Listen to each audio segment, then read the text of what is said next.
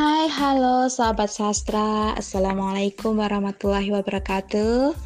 Episode kali ini merupakan episode yang istimewa.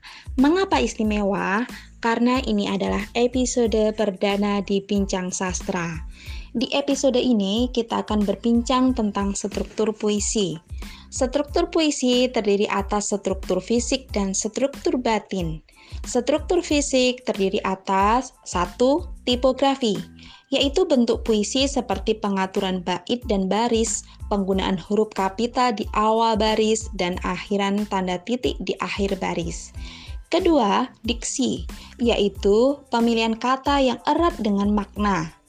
Ketiga, imaji, yaitu kata-kata yang dapat menggambarkan pengalaman indrawi seperti penglihatan, pendengaran, dan perasaan. Keempat, kata konkret, yaitu kata-kata yang dapat ditangkap dengan indera yang memungkinkan munculnya imaji. Kelima, gaya bahasa, yaitu penggunaan bahasa yang menimbulkan makna konotasi.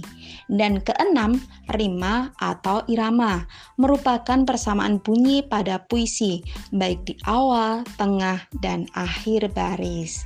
Nah, sahabat sastra, demikian tadi struktur fisik puisi.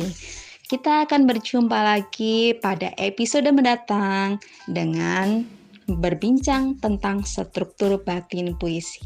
Terima kasih. Assalamualaikum warahmatullahi wabarakatuh.